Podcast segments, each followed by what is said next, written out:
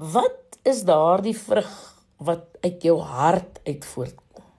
Kyk, Jesus vertel die gelykenis van saad wat gesaai word. Dan val die saad op verskillende plekke.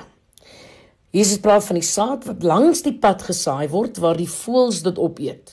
Nou dit beteken die saad is in jou hart geplant, maar die bose het dit kom steel. Verwys na 'n ander saad. Sommige saad val op rotsagtige plekke waar dit vinnig opkom, maar word net so vinnig verdroog en verskroei. Dit is die persoon wat dadelik geloof aanneem, maar in moeilike tye sy geloof versaak. En dan praat hy van ander saad.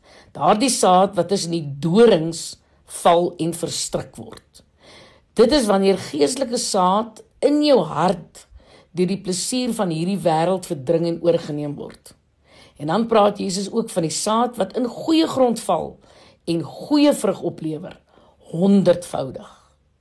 Waar het hierdie jaar se saad in jou hart geval? Indien dit in goeie grond geval het, sal dit gehoor en gesien kan word.